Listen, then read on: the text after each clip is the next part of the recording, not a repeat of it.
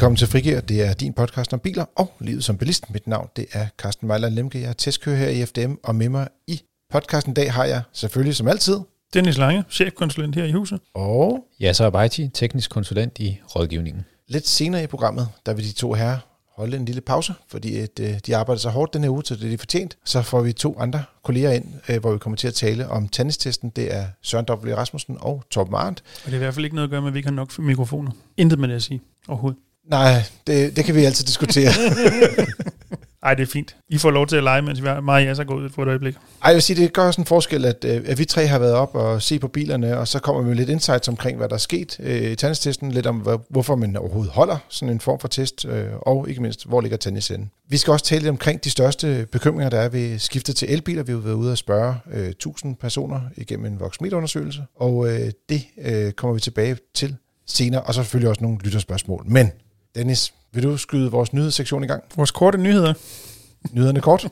Jamen, det kan jeg sagtens. Øh, jeg, har, jeg var lige ved at sige til en afveksling lidt øh, parkeringsnyt med, øh, og det man jo måske med lidt øh, frisk betegnelse kunne kalde en københavnerhistorie. Øh, det er fordi, at i Københavns Kommune, det er derfor, det bliver en københavnerhistorie, øh, der har man besluttet, at i de steder, hvor der er 3 timers zoner, det er typisk sådan i, i kan man kalde det i randen af kommunen, øh, sådan noget Hellerup, Vandløse, Lærgravsparken, Valby, Nordvest-agtigt sådan noget. Uden for den sådan rigtige midt af København, mm-hmm. der har man nogle tre timer zoner, øh, hvor altså selvfølgelig er god grund, du ikke må holde mere end tre timer i hverdagen.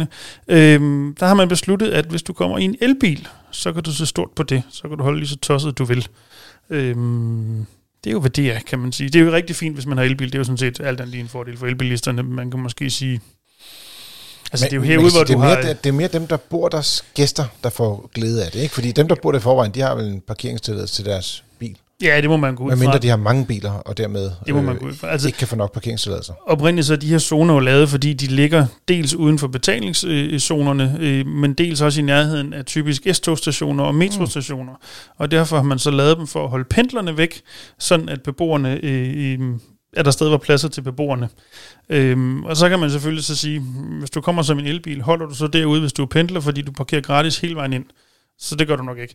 Øhm, og så du tænker, det gør nok ikke en stor forskel i den sidste ende? Det er jeg ikke nødvendigvis sikker på. Øhm, og i hvert fald så er det det, det, det, hvor jeg sådan stusser lidt, det er jo igen, fordi det er jo på grund for at holde pladserne fri til beboerne, derfor man har lavet 3 timer zonerne oprindeligt. Mm. Øhm, men altså en elbil fylder lige så meget som en benzin- eller dieselbil, så det her går sådan lidt imod det, der egentlig var grunden til, at man lavede zonerne. Ja, tror du ikke bare, det er for at give nogle fordele til elbilerne igen? Øh, altså for at, at motivere folk til at tage skiftet? Det, det tror jeg øh, bestemt. Fordi at der er jo trods alt kun lige underkanten af 100.000 elbiler i alt i Danmark ud af 3 millioner køretøjer, ikke? eller personbiler. Ja, jeg er ganske sikker på, at det, det er, der er den, man kan sige, den, den største begrundelse. Jeg er bare ikke nødvendigvis sikker på, hvor gennemtænkt den nødvendigvis er. Men anywho, sådan er det. Sådan har du en elbil, så er en af de her 3 timer zoner, så kan du stort på de 3 timer. Det er sådan set bundlinjen i det. Må jeg stille et opfølgende spørgsmål, mm. som sætter dig fuldstændig, altså jeg spider dig nærmest her i mit spørgsmål. det er så skarpt, som man øh, slår sig på det. Der er jo også nogle steder, hvor det er, at der er 3 timers begrænsning for parkering ved oplader. Ja. Bare lige for forvirringens skyld de er ikke omfattet af det her. Som jeg forstår det, øh, blandt andet fordi de jo specifikt snakker om parkeringszonerne, så nej, de steder, hvor det er altså specifikt båse, der har tre timers ja, parkering, det er, der gælder den her fritagelse ikke. Og det er en forsøgsordning, der kører også i Københavns Kommune nemlig. Og ja, det er, faktisk, det, det er faktisk ved, ved dødt som forsøgsordning, hvor de har besluttet at rulle det ud på i langt flere ladestander. Så, okay. så forsøgsdelen af det er teknisk set nok slut. Men, men der er et skilt i så fald? Ja, og det er ikke zoneskiltet, det er et... Nej, det er et fysisk skilt på den enkelte plads, eller Præcis det område. På den enkelte striplads, eller ja, noget. Ja, præcis. lige præcis. Godt. Jeg har også en kort nyhed, Carsten. Uh, det er vores øh, venner Citroën, som uh, har fået ny stil. Så det er, de har fået omvendt kasket på og uh, nyt logo. Uh, jeg tror omvendt kasket er nok det bedste måde at beskrive den bil på. de har vist, de har vist en bil, en, en ja, jeg ved ikke om jeg skal kalde den en, det ved jeg ikke, hvad, hvad skal man kalde sådan en bil? Det er jo sådan en... Øh, ja, det skal være en konceptbil, ikke? Ja. ja. ja, men en konceptbil, som, som... Ja, den blev aldrig bygget, men, men det er bare for at vise, jamen, det, det er noget, vi, vi kan, det her.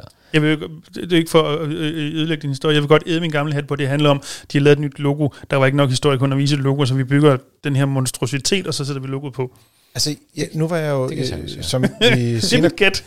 Vi kommer også ind på, på tennistesten, men, men en del af det er, at man kan sætte sig ned og snakke med nogle af de her øh, skal man sige, repræsentanter for de forskellige bilmærker. Og så jeg gik hen til bordet med Citroën, så sagde jeg, Nå, hvordan ser fremtiden så ud for Citroën? Mm. Og så sagde han, vent til i morgen, fordi den her bil blev præsenteret dagen efter, vi havde det her møde.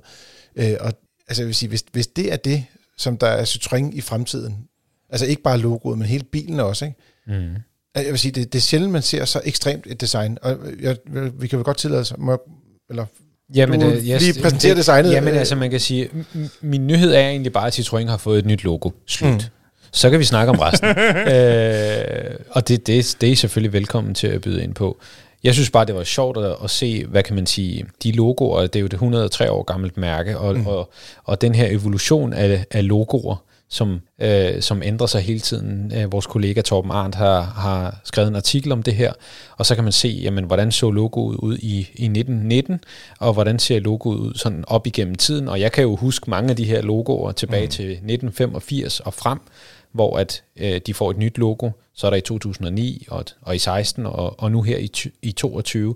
De logoer har jeg set, men det er sjovt at gå tilbage til de logoer førhen.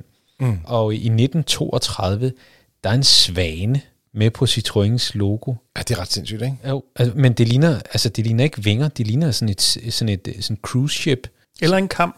Ja, eller en kamp, eller et eller andet. Jeg synes bare, det er sjovt at, ja. at se, hvordan uh, tingene de har... Jeg synes faktisk, apropos det, det, du siger, det er jo meget sjovt, at det logo, som der nu er præsenteret her i 2022, jo lige på nær nogle farvenuancer, stort set er med ved det, der oprindeligt var i 1919. Altså, Ja. vi, vi er gået tilbage til rødderne, så at Ja, sige. og det, og det kan man sige... Øh, jeg, jeg gør mig jo rigtig meget. Jeg har en, en, en anden stor interesse end biler, og det er ure. Øh, og der ved jeg, at der gør man rigtig meget i at gå tilbage til oprindelsen, op, Ja. ja. øh, rødderne, øh, dengang vi producerede vores første værk, eller dengang vi første gang producerede den her model, jamen så går vi tilbage, og, og mange af urmærkerne i dag, de laver sådan noget fake pa- patina på urene, for ligesom at få det til at ligne det, det var i gamle dage. Ikke? Så, og det er måske en lille smule inspireret af det her, øh, tænker jeg. Men det er gået meget enkelt. Jeg vil sige, det er faktisk det mest enkle design på et logo, de har haft nogensinde. Alle de andre har enten haft sådan noget nuancer i farverne, eller nogle ekstra farver på, eller altså, mm. det er virkelig, virkelig øh, back to basics, det er gået her. Men til gengæld så følger det fuldstændig den stil, som også andre mærker og andre sådan dele af, hvad skal vi sige, designbranchen, ikke kun biler, følger, at logoer er sådan overordnet set en tendens til, at de bliver i det grafiske udtryk flade. Du har To- ikke en anden, ikke? du har ikke sådan en 3D-effekt eller et eller andet skygge, eller andet, det er bare flat. Mm. Og det er det her også. Volkswagen gjorde det samme, mm. Peugeot har også gjort det samme. Altså alle sammen har gået i den retning, ja, faktisk. præcis. Vi mangler bare Rolls Royce med den der store øh, ude, i, ude i hjelmen der. Er hvis jeg Spirit husker of- rigtigt. altså, hvis den bliver todimensionel, så... Så bliver den kedelig. så er det bare sådan en flad en, der ligger på hjelmen. Ja, man skal passe på, hvad man siger. Det er vist en kvinde, der sidder derude, så jeg tør ikke udtale mig alt for meget om det. Jeg synes til gengæld, designet på den her øh, konceptbil, øh, den har sådan en forrude, der er altså, decideret lodret. Og det er jo meget sjældent, man ser, altså på bagruder kan man måske se det i nogle biler, sådan historisk set, men forruden plejer altid at have en lille smule hældning på. Og det kombineret med, at de så til allersidst siger, at det her det er en øh, fantastisk let bil, den skal kunne veje 1000 kilo, siger det. Det er jo øh, imponerende lav vægt, især når det er en elbil. Mm. Øh, den får så også kun en tophastighed på 110 km i timen, forstår, forstår man godt, øh, når den har sådan et stort frontareal. Øh, men så siger de, at den får et forbrug, der hedder 100 watt-timer per kilometer. Mm. Og de fleste elbiler i dag, de ligger sådan, lad os sige, fra 150 og så op til 200, ikke? Mm. Så det er jo markant bedre, øh, end noget, nogen andre nogensinde har tur at love, men det er jo også bare en konceptbil. Øh, Det er jo det, det var det, du kan sige, ikke? konceptbiler. Man kan jo sige lige de tal, det passer en, fordi det er jo ligegyldigt, det kommer aldrig til at ske alligevel. Mm. Altså, den kan køre 4.000 km på en opladning, men kan, du lade den op til fra 20 til 80 procent på 3 minutter. Bare vent to år, så er den der, måske, eventuelt. Eller Eller også er den ikke. 30. Ja. 2027. I øvrigt, det her er vel teknisk set en pickup, om jeg ser billederne rigtigt. Ja. Bare for at gøre det hele endnu mere øh, tosset. Det er det, men, øh, men altså, jeg ved, jeg ved ikke rigtig, hvad jeg skal sige om den her bil. Øhm, Jeg vil sige, den er i hvert fald et udmærket, øh, skal vi kalde det blikfang for et nyt logo, fordi den er så anderledes. kontroversiel, mm. hvis jeg skal finde et pænt udtryk, Ja. øh, at øh, den ligner ikke noget som helst andet, heldigvis. Jeg synes, det som der er interessant, er, at øh, logoet sidder sjovt nok midt i det, som man vil betragte som øh, kølergrillen i bilen. Men sådan bare lige for at være sikker på, at folk de kigger derhen, så har de i deres øh, billede af bilen forfra placeret et, et opladstik derinde, hvor det er, at den røde ledning peger direkte op mod ledning, øh, det nye logo. Så hvis man var i tvivl om, hvad der var, der skulle fokus på, så mm. skal man bare følge elledningen. Min nyhed handler om, at øh, vi her i FDM har lanceret en ny app til at læse øh, Motor, vores magasin øh, for medlemmerne, men øh, også faktisk alle de bilnyheder, som vi for eksempel lige har omtalt her nu, øh, bilnyheder og bilistnyheder, de kommer også ind i appen, og faktisk også frigiver, altså den podcast, som du lytter til her nu, og måske lytter til fast. Alle de her elementer har vi fået skruet ind i en ny app øh, fra, fra FDM, øh, som øh, har motor ligesom som kendetegn. Så øh, jeg vil anbefale, øh, hvis det er, du har lyst til at prøve noget, noget nyt, i forhold til at få nogle flere øh, nyheder ind øh, på en anden måde, og så få hævet den her app ned. Og det er også et godt sted, hvis man skal ind og søge efter nogle af de artikler, vi har skrevet tidligere, så er det også et godt sted, der er et godt arkiv, man kan søge i på den øh, konto. Mm. Jeg ved, I har, øh, skal man sige, teknisk rådgivning, der har jo nogle gange folk, der ringer ind og spørger, hvornår var det nu, I lige skrev om den og den bil, eller mm. et bestemt emne? Lige præcis. Den, den, altså, den gør det lidt nemmere at, at søge i arkiverne. Ikke? Det, det er meget fedt, at man kan sige, hvordan, har, har de nu testet den her bil, eller mm. hvad, hvad var det nu rækkevidden var på den her, eller andet. Øhm, og, og Karsten, går den helt tilbage til, til 96 i det her arkiv? Ja, det gør den. Okay. Øh, ved det, vi har jo digitaliseret øh, alt fra 1996 og frem, og det vil mm. sige, at det er jo i grove træk... Øh, ja, nu kan vi faktisk sige, alle de biler, der ikke er klassikere, fordi at øh, 1997 er klassikere er skældet. Så selv de første klassikere, dem har vi, øh, Super. har vi omtalt her som, som nye biler, enten som test eller, hvad skal man sige, det kan også være øh, nyheder. Det kan være mange forskellige informationer, man gerne vil have. Mm. Så det er bare at hoppe ind øh, på øh, ja, din mobils øh, App Store eller Google Store, og så søge efter FDM Motor derinde.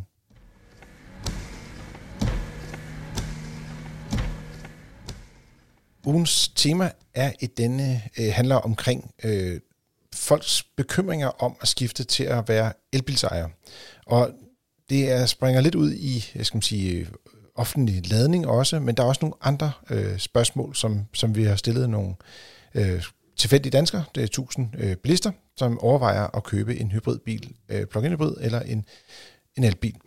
Og øh, i dag er det sådan, at der er cirka 6.500 offentlige ladepunkter, og umiddelbart lyder tallet som højt, men stigningen i elbiler er øh, voldsommere, og hvor man i 2019 havde 5 elbiler per ladepunkt, så er der i dag 14 elbiler for hver gang, der er et offentligt ladepunkt. Mange lader selvfølgelig derhjemme. Øh, det redder en del af det her, men man kan også sådan spørge ind til, hvad er det for nogle ting, der ligesom... Øh, der, vi har stillet tre spørgsmål i princippet. Det er sådan noget med, har du mulighed for at lade derhjemme? Fordi det er jo så ret interessant for at finde ud af, mange der så har brug for en offentlig ladning. Og der viser det sig, at 69% har mulighed for at lade derhjemme, hvorimod at 25% siger, at det har de ikke.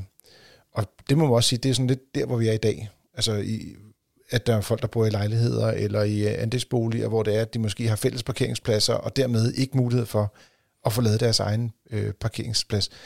Og jeg tænker lidt, øh, Dennis, vi er lidt inde i, i jeres område her med, med økonomisk politisk sekretariat mm, ja, og politik, og, og der er jo også lidt med noget valg og sådan nogle ting, der, der fylder lidt i øjeblikket. Hvordan ser det her ud? Er det, er det et fokusområde, øh, som er top of mind rent øh, bilmæssigt, det her? Jamen, mm, det er det, og det har det virkelig også været i, i et kort stykke tid. Øh, så det er ikke fordi, at man kan sige, at det er jo overraskende svar på den måde, men det er virkelig, man bekræfter det, som vi alle sammen har gået og tænkt. Men, men der er jo en stor del nu er det så 25 procent i den undersøgelse, som ikke kan lade derhjemme. Og hvis de skal have en elbil, skal de jo have en rimelig sikkerhed for at rent faktisk kunne lade nede på gaden, for det er den eneste mm. mulighed, de har. Øhm, og det betyder selvfølgelig så også, at der skal være en ladeinfrastruktur, der gør det muligt. Øhm, og det er der jo forskellige løsninger til. Øhm, en af dem er blandt andet at sørge for, at det bliver nemmere i kommunerne at sætte ladestander op øhm, ud på offentlig vej. Mm. Øhm, der er jo sket lidt her tidligere på året, hvor kommunerne har fået en større mulighed for at lave udbud osv., men vi så gerne, at man for eksempel laver det, der hedder Bornholmer-modellen, og det er det, vi kalder den i hvert fald, hvor, de, hvor det er det offentlige, altså kommunen, der betaler alt det, der ligger nede under jorden, ledninger osv., og, og så øhm, er det operatøren, der kommer og sætter boksen ovenpå og betaler en, en, en forbrugsafgift på det, øh, så er det, at det, man kan sige, at det underjordiske bliver, bliver forrentet. Men så investeringsudgiften ikke ligger ved ladeoperatøren, men ligger ved kommunen, for det betyder alt andet lige, at der er flere der operatører, der kan være med, og det er også en større konkurrence på, på området. Det er en, mulig, en måde at få sikret bedre lade faciliteter for, for dem, der ikke kan lade hjemme. Og man kan også sige, at det var faktisk lidt det, som vi i den her podcast også havde øh, Jan Gindbanen at tale om. Mm. Han talte også om det her med, at han godt kunne tænke sig, at, at det offentlige ligesom stillede skal man sige, skal man sige, infrastrukturen til rådighed, ja. og så kunne øh, skal man sige, tankstationerne populært sagt, eller øh, de her ladeselskaber, de kunne så sige, okay, nu sætter vi vores lade op her, og så sælger man bare strømmen. Fordi selve det at etablere en lader er jo Øh, ekstremt voldsomt. bekosteligt. Ja. Ja. Også fordi, at tilslutningsafgiften på det her strøm er jo øh, i omegnen af øh, sådan, øh, 500-600.000 kroner alene bare for at betale for at få strøm ind, altså ampere-timemæssigt. Øh, og så kommer alt øh, jordarbejde og kabelarbejde og øh, sådan ting oveni. Ikke? Og det betyder bare, at hvis du som ladeimportør skal investere i det her, så skal du også være sikker på, at dels der er en vis mængde kunder, og du kan have lov at være der i en vis mængde år, for ellers så kan det ikke løbe rundt. Øh, Og det er jo det, vi godt kunne så, man, man om jeg så må sige, pillede lidt ved. Og øh, FDM har jo som sagt, øh, eller vi har faktisk øh, fem konkrete forslag, og du har lige taget hul på den første Ja, selvfølgelig. Det tillod jeg mig. Ja, men det er øh, lige efter bogen. Så øh, hvad, hvad har vi ellers på paletten af, af, skal man sige, af gode forslag til, ja, til det offentlige, må det være? Jamen, øh, et andet forslag, det handler om øh, ude på, skal vi sige, de store veje, altså motorveje og de store statslige landeveje, øh, at øh, politikerne sørger for at få sat flere penge af til at få etableret lynlader derude. Øh, der er flere lynlader derude langs de store statsveje nu, end der var for nogle få år siden. Der er også flere på vej, men der er et godt stykke vej til, vi er derhen, hvor der er dem, der er behov for, ikke mindst i fremtiden også, hvis vi skal op mod den her million elbiler. Vores tredje øh, forslag, vi havde det andet til at starte med, eller det første til at starte med, om I vil, øh, det handler om, at øh, i beboerforeningerne, altså øh, det kan jo så både være, være øh, øh ejerforeninger, andelsforeninger, beboerforeninger osv., øh, der er jo ofte det problem, at der er jo, det er ikke et problem, der er beboerdemokrati, men det er det i forhold til at få sat ladestand op, hvis du for eksempel er den eneste ud af 100 beboere, der har en elbil. Ja, fordi du skal ofte have alle til at sige ja tak til en etableringsomkostning, og det kan være igen meget bekosteligt. Præcis, eller i hvert fald vel typisk flertal, eller kvalificeret til flertal, eller, ja. men det kan være en udfordring. Og, Øhm, det så, og, og det er jo ikke bare økonomi, det er jo også praktik. Ja, altså noget skal med nogle bestemte pladser, der bliver låst Ja, ja, af, og ja. så er det kun til elbiler eller plug-in hybrider, og så, altså, øh, enig.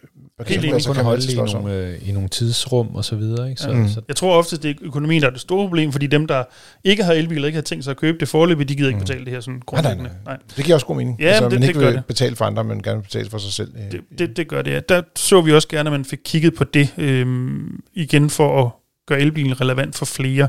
For eksempel er det sådan i Norge, at der øh, siger, betyder lovgivningen deroppe, at hvis du er elbilsejer, jamen, så har du ret til rent faktisk at få opsat en, en ladeboks, selvom du bor i en, en boligforening. Øhm, det kunne man jo kigge på, om man kunne lade sig inspirere af reglerne deroppe for at gøre det mere smidigt. Øhm, Jamen også hjælpe dem, som er, er skal man sige, trods alt er first movers. Vi, vi taler om øh, 100.000 elbiler før os, ud af Mm. mm. 3 millioner.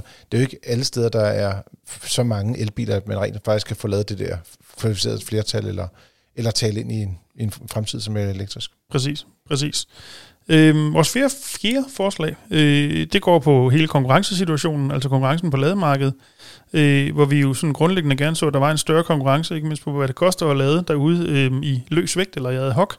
Øh, lige nu er der ikke sådan pokkers meget konkurrence. Øh, der, Der er stor prisforskel, vil jeg så der er stor sige. prisforskel, men ikke nødvendigvis stor konkurrence. Mm. Øhm, og det så vi for eksempel gerne, når kommuner og stater de udbyder øh, ladefaciliteter, Mm. mm. ladeparker osv., at man i højere udstrækning vægtede den pris, som forbrugeren så skal betale for at lade. Altså det er større øh, element i, når du afgør, hvem der så vinder udbuddet. Det vil også være med til at sparke lidt mere gang i, i konkurrencen til gavn for forbrugerne. Kan man ikke også sige, det driller os en lille bit smule i øjeblikket, at strømpriserne fluktuerer så meget, hvor lad os sige for et år siden eller to år siden, så så man strømpriser, der var meget øh, skal man sige, ensartet, Mm. de var heller ikke så høje, altså hvis vi kan tale om sådan en rå strømpris, så kan du ligge typisk på omkring sådan 20 øre. Eller. Men, men i dag, der kan du risikere, at strømprisen øh, netop er 20 øre den ene time, og så tre dage senere, så er den måske, øh, altså uden afgift og alt det andet, så er den måske 6-7 kroner, ikke? Jo. Men det er jo så det jeg tror meget. faktisk ikke, at der er nogen af de, de ladeudbydere nu, som rent faktisk har en svingende pris, der mere eller mindre følger strømprisen. Nej, De kører de med en fast pris. Ja, de, de tager hensyn til det hele, og i realiteten har de, mange af dem har ikke rettet deres priser endnu helt. Nej, nej. Så øh, det får vi nok også at se. Ja, ja, ja jeg, jeg ved, at der er nogle øh, operatører, der omvendt også nærmest sådan specifikt har sagt, jamen det vil vi ikke. Altså, det, det, i den her periode tager vi et tab, fordi det skal være. Det er også begrænset, hvor meget de taber på det. Der er ikke Ja, ja, særlig mange elbiler, der er lavet hos Præcis. dem. Altså, du kan sige, Clever, de har øh, ændret deres øh, skal man sige, ad, ad hoc købepris, Mm. så den steg fra, var det 5,5 til næsten øh, 10 kroner, ikke? Ja, 9 eller 10 lidt afhængig af, hvor ja, hurtigt du, du lader. Præcis, og, Eller og, det var da i hvert fald noget, der man kunne mærke forskel på. De er lige nu i hvert fald også øh, eklatant de dyreste at lade ad hoc ved. Jeg tror ikke, de har lyst til at have øh, fremmed, øh, skal man sige, Det- øh, bilist, elbilister. Altså folk, Det der ikke det er kunder hos dem i forvejen, ikke? Det Ja. virker i hvert fald sådan. Ja, præcis. Nå, yes, men det, det var øh, konkurrencen, men der er også en femmer. Ja, der er også en femmer. Øh, Det sidste øh, forslag, eller i hvert fald af de her femmer, det er det sidste forslag, det handler om øh, praktikken i, når så man skal tilsluttes til elnettet, det du også snakkede om øh, før, Carsten, lidt, at mm. et af det kan være meget, eller ikke kan, det er meget dyrt at få tilsluttet en, en ladestander til elnettet, men problemet er også, at det tager rigtig, rigtig lang tid, på grund af nogle indviklede regler og forhold osv. i forhold til, til netselskaberne. Så øh, i praktikken er oftest kan der gå måske op til halvandet år fra man siger, her vil jeg gerne stille en lynlader op, til man rent faktisk får leveret, om jeg så må sige, adgangen derhen mm, til. Okay. Og det sætter jo lige frem, altså det, det sætter jo udviklingen i stå, alt andet lige. Jamen, vi kan jo sige, op på FDM Jyllandsringen har vi jo faktisk to eller tre lyn, lynladeudtagninger. Der er to lynlader i hvert fald, ikke? Øh, sådan, der er bygget op pt. Ja, ja. Øh, og frem mod, at de rent faktisk kunne åbne, altså jeg kan huske, for de taler om det i den indledende fase, og nu har de besluttet sig for det, altså før de fik gravet de der halvanden kilometer ned under øh, den øh, åbenbart, det var, de er også granit og ikke kun muld og i Jylland åbenbart, så jeg ikke, var det her gang i. Det tog i hvert fald lidt længere tid at få gravet hele vejen op, ikke? Øh, det tog længere tid end, end forventet, og, og tingene bliver jo bare forsinket, øh, Jamen, det- når det er sådan besværligt, ikke? Det, det gør, man siger, et er selvfølgelig øh, mangel på råvarer og håndværk og alt muligt, det, det gør jo noget. ja. Men, men fordi at reglerne er, som de er, så må netselskaberne ikke investere forud. Altså de må ikke på forhånd lægge om man så må sige, de store ledninger i de rigtige retninger. Det må de ikke gøre, før der er efterspørgsel fra, for det. Og det betyder så også, at det er jo først der, at du så kan sætte det arbejde i gang, og så er der bare den her lange tidshorisont på. Det er bare ikke særlig fordrende for, for den grønne omstilling. Vi havde også et par spørgsmål i den her Voxmeter-undersøgelse, der gik lidt på, hvorfor folk overvejer at skifte til elbil eller plug-in hybrid, øh, og også øh, lidt om, hvad det er, som der ligesom fylder i tankerne, når man sådan går og overvejer sig de her bekymringer. Men øh, hvis jeg bare lige kort øh, nævner øh, skal man sige, overvejelserne, de, de fleste overvejer at skifte til elbil eller plug-in hybrid, fordi de ønsker at køre grønt, det er 56 procent. Der er også 36 procent, det er et stort fald, kan man sige, øh, ned til, at de siger, at det er, fordi det er billigere at købe en elbil eller plug-in hybrid i forhold til at købe benzin, diesel. Mm. Og det er trods de lidt høje elpriser i øjeblikket, hvis man lader strategisk øh, stadigvæk korrekt. Ja. Og, og selvom man lader øh, strategisk dår- dårligt, så er det stort set samme økonomi. Så som udgangspunkt er det lidt billigere stadigvæk at købe en elbil. Og det, er er det er jo også, mere... det er vigtigt, vi snakker totaløkonomien her. Det kan godt være, at man ja. kan Ja. sige, at liter kilowatt-time-prisen er, er der er stor forskel, men elbilen er bare billigere på så mange andre, andre parametre, og det gør totaløkonomisk, så er det stadigvæk billigere at have en elbil, alt andet lige. Ja, fordi at der er noget med, at strømprisen skal være over øh, cirka 5 kroner per kilowatt-time, før at det bliver samme pris eller dyrere. Øh, men hvis man sådan har en elbil, og nu har jeg jo selv en, øh, så sidder man jo bare og kigger på det, hvornår det er, man skal lade, og det er altså meget sjældent prisen er så høj om natten, for eksempel, eller mm. I weekenden, hvis man kan nøjes med at lade en gang om ugen. Så er der også øh, lidt omkring øh, det, skal man sige, de overvejelser, man har skiftet, simpelthen fordi det er praktisk at lade op derhjemme, og det er der 22 procent, der siger. Øh, og den sidste skal man sige, overvejelse, det er, at de simpelthen er, er nervøse for, at de taber for mange penge, hvis de køber en benzin- og dieselbil. Altså, at- de her biler de bliver øh, udfaset af markedet mm. inden for en 5 eller 10 årig periode, og man derfor tror mere på, at man kan holde økonomien hjemme på de her elektriske biler. Men jeg synes faktisk, det er lidt mere interessant at se det her med, hvad det er, der fylder mest hos dem i forhold til at skifte til en opladelig bil. Altså bekymringerne faktisk. Øh, øh, og der er nummer et, det er med 58 procent, det er jo øh, altså 6 ud af 10 i virkeligheden, som siger, det er, om elbilens rækkevidde dækker mit behov. Og der tænker jeg lidt, ja så, I har også ret mange spørgsmål i, i rådgivningen øh, fra vores medlemmer, der mm. ringer ind og stiller spørgsmål, også omkring skiftet til elbil og elektrificering. Kan du genkende det her med, at bilens rækkevidde, mm. øh, at, at det er, en, er noget, de ringer ind og spørger om? Ja, det er det.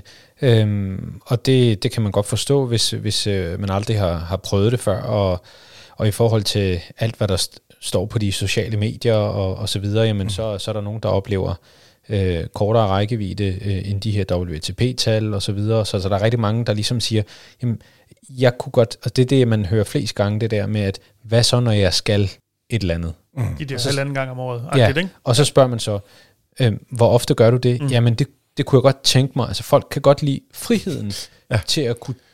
Øh, at, Men at, det er en stor del af bilen, ikke? lige præcis. Bilen giver og- frihed, ikke? Lige præcis. Og det er det, der er problemet, det er, at, at man ligesom skal omstille sig til, at du, du er ikke lige så fri, som hvis det var en benzinbil.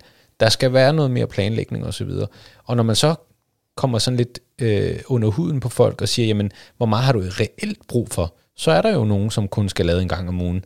Øh, fordi at, at de, de biler, som, øh, som der leveres i dag, jamen hvis, øh, hvis man kører ind i byen og så videre, jamen så kan du sagtens få en 400 km, 400-500 km ud af dem.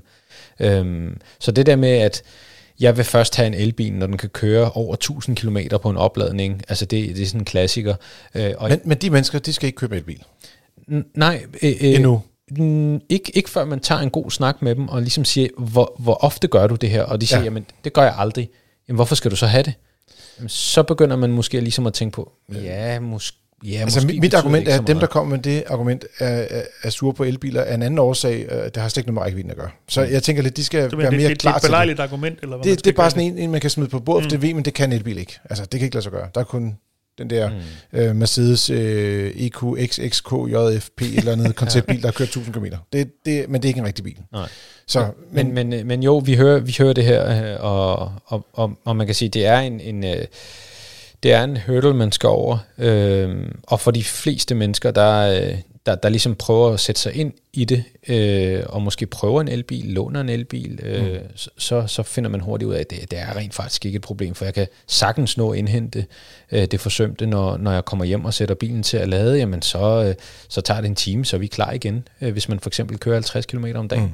jamen så, øh, så skal der ikke mere end en time i ladestanderen, så er vi klar igen. så, er det samme, så er du endda fuld rækkevidde Mm. mm. øh, på det tidspunkt. Ja. Øh, der er sådan to øh, toer, hvis man skal sige sådan, på den her liste. De er på 38 procent, som er bekymrede om henholdsvis, øh, om det kan betale sig økonomisk, som vi jo også lige har afdækket, det kan det godt, Mm. som udgangspunkt. Øh, og så også, øh, om jeg kan lade, når jeg har behov for det. Og det vender lidt tilbage til det, vi snakker om før, hvor Dennis var inde med at tale om, om det her med, øh, kan jeg få lov til at lade, når jeg har behov for det. Og jeg vil sige, det er sjovt, det er 38 procent, som siger, at de er nervøse for, om de kan lade, når de har behov for det, når det er, at det viser sig, at dem, der har elbiler, 95 procent af tiden lader derhjemme. Men jeg tror måske også noget Så af det, det, det er igen en meget lille, altså det, det er Ja. måske sidste 5-10 procent af ens øh, elbilsejerskab, øh, Jeg ja, tror, medmindre det- det, er dem, der bor ude i byen. det er helt mit eget gæt, at hvis man ikke hvis man er i starten af overvejelserne, og aldrig har haft en elbil, aldrig fået for at lade, er det jo heller ikke nødvendigvis sikkert, at man har det fulde overblik over, hvor der egentlig er lademuligheder der, hvor man færdes, så det kan være, at man tror, det er værre, end det i virkeligheden er. Ja, og hvor meget man skal bruge det. Altså, Ja, jo, hvor meget også har du brug for at lade? Ja, ja. Ikke? Altså, øh, men, men det er klart, at jeg vil sige, hvis ikke man har en, en, en fast plads, man mm. Kan komme til derhjemme, eller på arbejdet, eller, eller på gaden, hvor, man, hvor der ofte, øh, altså nogle steder er der også ladepladser, man kan komme til, øh, så kan jeg godt forstå, at man godt kan være lidt bekymret for, om man kan lade, når man har et behov for det. Men jeg synes bare, at rækkevidden på mange elbiler, de er efterhånden så lange, at Jo, jo, man skal men, køre virkelig langt, for det bliver et problem. Og hvis man er nervøs for det, så vil jeg nok anbefale, at man køber et lidt større batteri, så har man også mulighed for at, at tidsforskyde sin opladning til der, hvor der er strøm er billigst. men det er jo helt sikkert, hvis du bor, det er jo så primært, hvis du ikke har din egen ladestand, altså hvis du bor et sted uden egen p-plads. Hvis det, man kan sige, hver eneste dag altid er et lotteri med dårlige odds, Ja. om du kan finde en led, ledig ladestander, så er det jo en fuldstændig reel bekymring. Øhm, 100 procent. Det fjerde punkt, det er, hvor meget planlægning øh, det kræver at køre en elbil, og det er med, med 35 procent. Så det er næsten lige så stor en bekymring faktisk. Og der vil jeg sige, altså, Der kommer vi tilbage til, at den her frihed, ikke også? jo, mm. Det gør man det er jo faktisk. det, der gør ondt på folk, ikke? Og, og jeg vil sige, at øh, det kan man ikke sige, der ikke er. Altså, du kan ikke sige, der ikke er noget planlægning, for du bliver nødt til en gang, at tænke over, om bilen skal oplades. Og ikke mindst i øjeblikket, hvor øh, elprisen fluktuerer så meget, at det enten koster 150 kroner, eller at det koster øh, måske 20 kroner at lade. Eller, altså, det, det er lidt afhængigt af, hvornår det er, du lader, og hvor mange Mm. kilowatt-timer du skal på, selvfølgelig. Ikke? Så altså, spændet kan være kæmpestort. Ikke? Altså, du kan være nede og have sådan en, en rå strømpris på måske sådan under 50 øre, eller en, der koster 6 kroner. Altså det er bare det er en kæmpe forskel på, hvad det koster at lade. Og det er man selvfølgelig interesseret i, når man sidder og kigger på strømforbruget derhjemme i et hus, at man, øh, at man skal man sige, lader der, hvor det er billigst muligt. Jeg har lige siddet og trukket vores øh, data for hele august måned og hele september måned, hvor meget øh, strøm vi bruger i huset, time for time. Det er det, der hedder nørdet, Karsten. Jeg siger det bare. Jamen, jeg, det er bare for, at øh, så kan jeg gøre det, og så slipper vores kære lytter for at slippe Ja, for ja, at sidde ja. og gøre det samme. Øh, Hvis vel at mærke, I også har øh, to børn, der elsker at Hvis, spille hvis deres elforbrug og- matcher dit 100%, så ja. Ja, ah, men vi er sådan meget, meget sådan standard øh, familie for fire personer, og øh, jeg gamer lidt en gang med min søn gamer hver dag, og der bliver set meget fjernsyn, og vi laver mad om aftenen, og står op om morgenen, og tænder for lyset. Og så kan man simpelthen se, de dage, hvor der, er, der kommer elbilsopladning ind, så siger bare, bup, så, Mm, ja. så stiger den bare øh, fra sådan 200 watt, eller op til måske 1 kilowatt i timen, hvis det står virkelig højt, og så til 12. Ja. så så det, det er meget sjovt at se. Sådan, resten af, altså om vi vasker på det ene eller andet tidspunkt, det betyder selvfølgelig en lille bit smule og sådan noget, men strømforbruget er ret lille, indtil man får en elbil ind i huset. Mm. Så stikker det sgu af. Ja. Så ja, det kræver lidt i planlægning, hvis det er, man i hvert fald vil køre billigt i, i elbilen. Og så, når man tager på ferie for eksempel, der kræver det mere planlægning, i hvert fald i øjeblikket. Nogle gange kan man overlade til, til bilen at gøre det i stedet for. Så er der et spørgsmål, som jeg tænker, der rammer meget ind i, altså mens vi stadigvæk er oppe i 30 procenterne, øh, med, med 33 procent har vi en, der hedder, om teknologien er langtidsholdbar. Mm. Og ja, så det er jo din hjemmebane, det her. Mm. Teknologi, holdbarhed, mm. kan vi stole på elbilen, er den forfærdelig, er den forældet om tre år? Ja, det er slut lige om lidt. det er helt slut. Nej, det, altså man kan sige, at, at der, der sker jo hele tiden noget. Øhm, og, og hvad er langtidsholdbar? Det er, jo, det er lidt et, et, et, et svært spørgsmål at svare på, ikke? Fordi hvis min forventning er, at en bil holder syv år, mm. eller, eller 200.000 km, det er jo ikke det, som folk, det er ikke det, jeg oplever, folks generelle øh, holdning er. Det er jo det, bilfabrikanternes holdning er. Så nej, den er ikke langtidsholdbar, hvis du forventer at have din bil i 30-40 år. Det, det, det skal du nok ikke regne med. Det er der ingen biler der, kan man så sige. Nej, og det, og det er lige det. Fordi man kan sige, at hvis bilen den er produceret i dag, så forventer vi, at den er, hvad kan man sige, up to date, i hvert fald en 8-10 år, øh, i forhold til teknologi. Mm. Og så kan man så sige, jamen, så kan man genbruge batterier og, og, og så videre og så videre og så videre. Og så er der slid på, altså nogle biler, jamen, de, øh, de når at gå i stykker på alt andet end batteriet, mm. øh, men hvor alle andre ting går i stykker, kan man sige. Men jeg synes, det er lidt svært spørgsmål at svare på, fordi øhm, hvis vi kigger på Tesla, øhm, så er deres teknologier for 10 år siden, den er næsten den samme i dag. Jamen, øh, jamen lige her, øh, da vi var oppe i tændstesten, der snakkede med NIO, og de siger, at de kommer med deres øh, hvad det, faststofbatteri, hedder det nok på dansk. Ja, i morgen. Øh, næste år. ja, næste år. Nej, de kommer næste år med det. Øh, mm. Øh, et, du kan skifte ud, og på 150 kWh mm. vejer jeg tror, der 40 eller 50 kilo mere end et 100 kWh batteri, som er normalt. Mm. Så jeg tror, der er ja, nogle andre, der er ude at sige jeg vil 25. Det. Jeg vil gerne se det, før jeg tror på ja, det. Ja, det, det kommer det. samtidig med, at Elon Musk folk får lavet den selvkørende bil. Ja, og, og, det, og det er også det, altså, man, skal, man, man kan sige, at hvis, hvis en elbil kan, øhm, altså din, din bil bliver jo ikke fuldstændig værdiløs den dag, der kommer et faststofbatteri. Man vil også sige, du skal også sætte den i forhold til, hvad er alternativet? Det er at gå ud og købe en benzin- eller dieselbil. De bliver mm. bare endnu mere håbløst forældet mm. i, for, i en fremtidig verden, hvor det er, at alt er skiftet over til uh, elbiler. Og, og man kan sige, historisk set, netop benzin- og dieselbiler er jo også blevet, hver gang der kommer en ny generation, det kan man godt ikke nødvendigvis af motoren i sig selv, men så er det ved alt det, der er i bilerne, for eksempel mm. førerassistenssystemer osv. Mm. Når der kommer nye generationer, bliver de tidligere generationer også, hvad skal vi sige, uh, subjektivt forældet. Altså de ja kan ikke det samme, som en ny bil kan. Sådan har det altid Nej. været. Og, og, og man kan sige, jamen, hvis du køber en moderne bil dags dato, altså en, en bil, mm. som er øh, produceret efter 2020, sådan ish, så er det så nyt, som man må forvente de næste 5-6 år. Øh, og, og så vil jeg ikke være bekymret for det. Altså, det, jeg synes ikke, man skal være bekymret for, om, om, om, øh, om teknologien den er outdated øh, i overmorgen. Det tror jeg slet ikke på hvad skal man også sige, og det er så lige meget, om vi snakker elbiler, eller mobiltelefoner, eller fjernsyn, eller alt muligt andet. Hvis du hele tiden er nervøs for, lige om lidt, så kommer der noget, der er bedre, så får du aldrig noget. Nej. Altså, fordi det gør der hele tiden. Mm. Mm. Helt så, så vent. for evigt. for evigt, ja. ja. Øh, den sjette, øh, skal man sige, største bekymring øh, blandt dem, der overvejer at skifte til en opladelig bil, øh, og den sidste, vi kommer til at tale om i dag, det er, om man fortsat kan bruge øh, bilen på ferie i udlandet.